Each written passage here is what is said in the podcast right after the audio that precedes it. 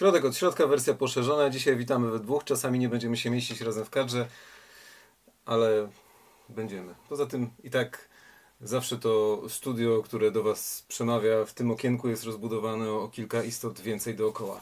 Mamy wciąż Madame Sadayako Gejsze, która uwiodła Zachód, autorstwa Leslie Downer na tapecie. Tutaj pojawia się, ponieważ inspiracji w tej książce jest masa, na stronie 122 pojawia się bardzo ciekawa uwaga. Mianowicie, kiedy Sadayako, jako była gejsza, dołączyła do trupy męża, awanturnika, wywrotowca, eksperymentatora, ekscentryka również, oto Jiro Kawakamiego, który chciał robić teatr. I jak nie mógł go robić w Japonii, to szukał nowych dróg, podróżując wzdłuż wybrzeża, w ostatnim odcinku było to mówione, a później wpadając na pomysł z pozoru szalony, wyjedźmy za granicę. Nie mamy pieniędzy, ale niech to nie będzie przeszkodą, żeby tak budować swoją pozycję. Pozycję w tamtych czasach, na, e, pod, na przełomie XIX i XX wieku, można było budować w obcym kraju dowolnie. I teraz, na stronie 122 pojawia się informacja, trzeba było skądś brać pieniądze na wyjazd takiego całego zespołu. Sama główna para bohaterów nie miała za bardzo za co utrzymywać się na co dzień, a co dopiero jak miało ich w podróż jechać 19 osób. Oto Jiro Kawakami, czyli mąż byłej gejszy, miał znajomego, który nazywał się Kushibiki Umindo. Był to zamieszkały w Stanach Zjednoczonych japoński imigrant, czytamy w książce. Ów absolwent Uniwersytetu Keio zbił fortunę, wykorzystując sprzyjającą koniunkturę, szał na punkcie egzotycznych pamiątek z Japonii, który opanował Zachód. Kilka lat wcześniej otworzył wraz z partnerem japońską herbaciarnię w ogródku w Atlantic City w stanie New Jersey.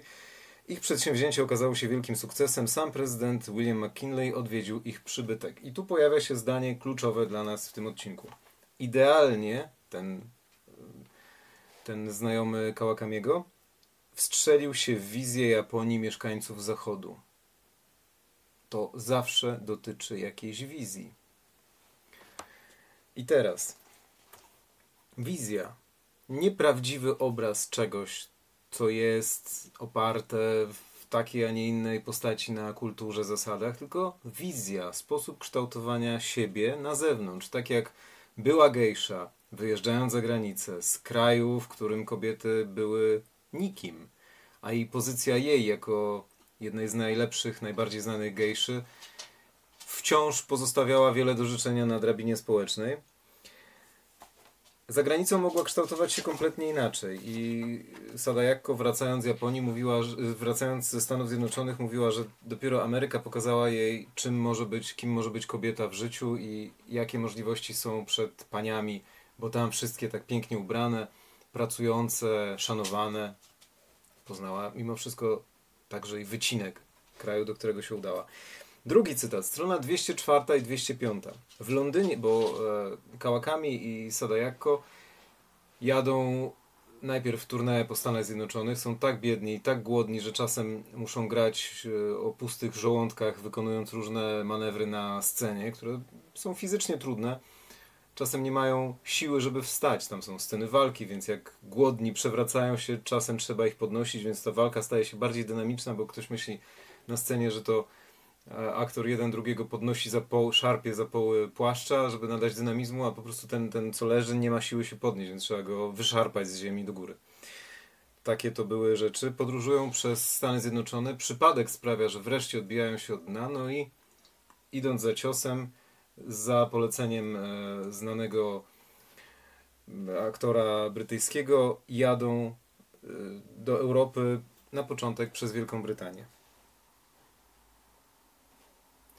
Wyszliśmy z kadru całkowicie. Przynajmniej na razie.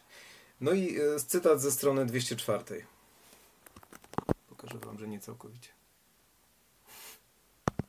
Dał za wygraną chwilowo. W Londynie przełomu wieków, nawet w większym stopniu niż w Ameryce, Japonia i wszystko, co z nią związane, było szczytem mody.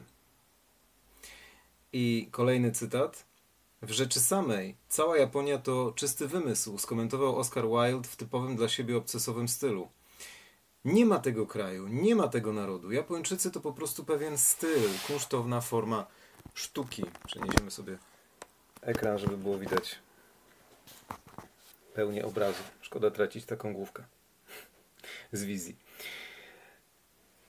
wróćmy do tego. Nie ma tego kraju, nie ma tego narodu. Japończycy to po prostu pewien styl, kunsztowna forma sztuki. Mówił Wilde. Czy, czy zdawał sobie z tego sprawę, czy nie, to był przełom XIX i XX wieku. Jego uwaga była niezwykle trafna. Zachodnia wizja Japonii była niemal w całości domeną fantazji, nie mającej nic wspólnego z krajem po drugiej stronie globu, który właśnie przechodził procesy radykalnej industrializacji.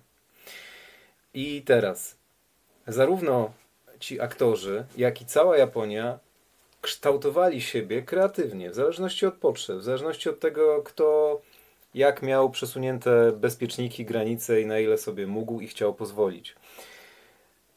Pojawiały się czasem, wychodziły z tego czasem rzeczy dziwne, ponieważ e, jak koncertowano, wystawiano w e, Wielkiej Brytanii, w Londynie, no to kolejny cytat, stronę później, 207. Wśród widzów, którzy wybrali się do Notting Hill, był specjalista od japońskiego teatru, Osman Edwards. Już w Japonii zetknął się on z Otojiro Kawakami i jego trupą.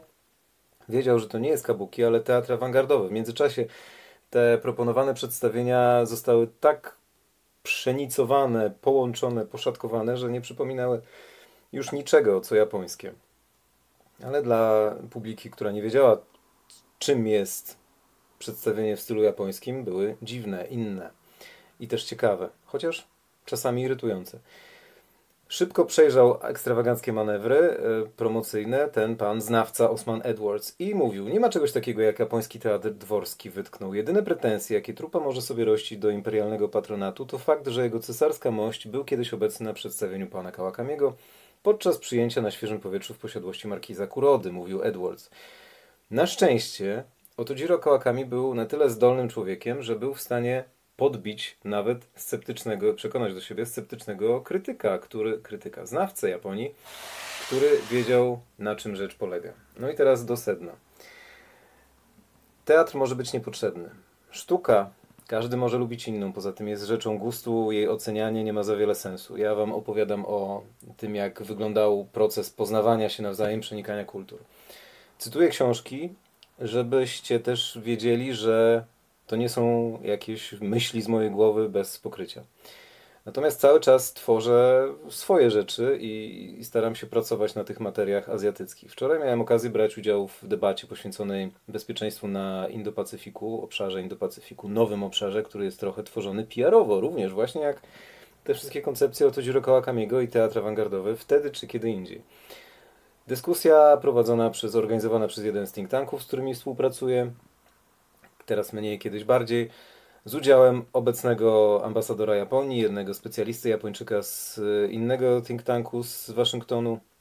No i cóż tam było? Jedno wielkie sprzedawanie marketingowego pomysłu na Indo-Pacyfik. Pytanie, po co?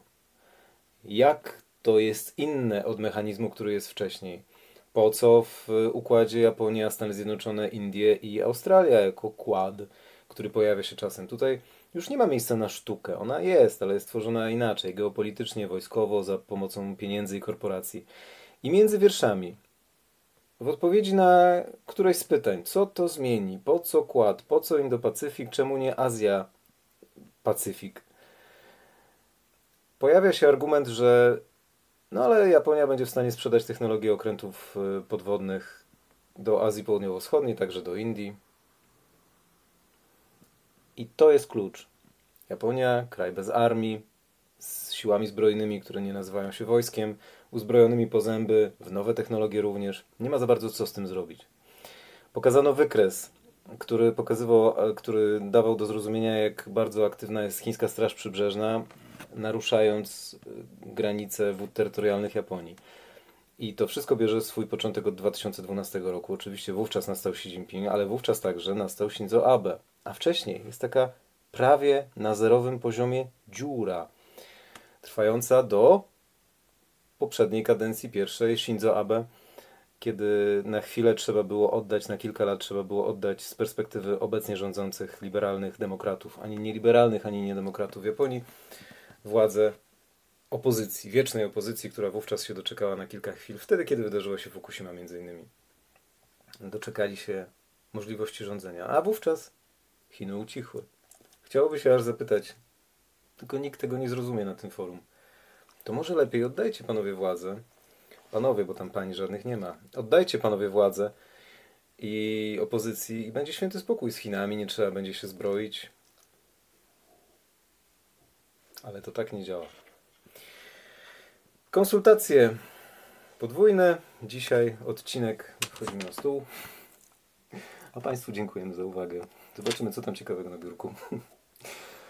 O różnego rodzaju tworzeniu PR-u trzeba pamiętać, kiedy ma się do czynienia z Azją, bo ona w większości przypadków nie jest tym, czym mówi, że jest.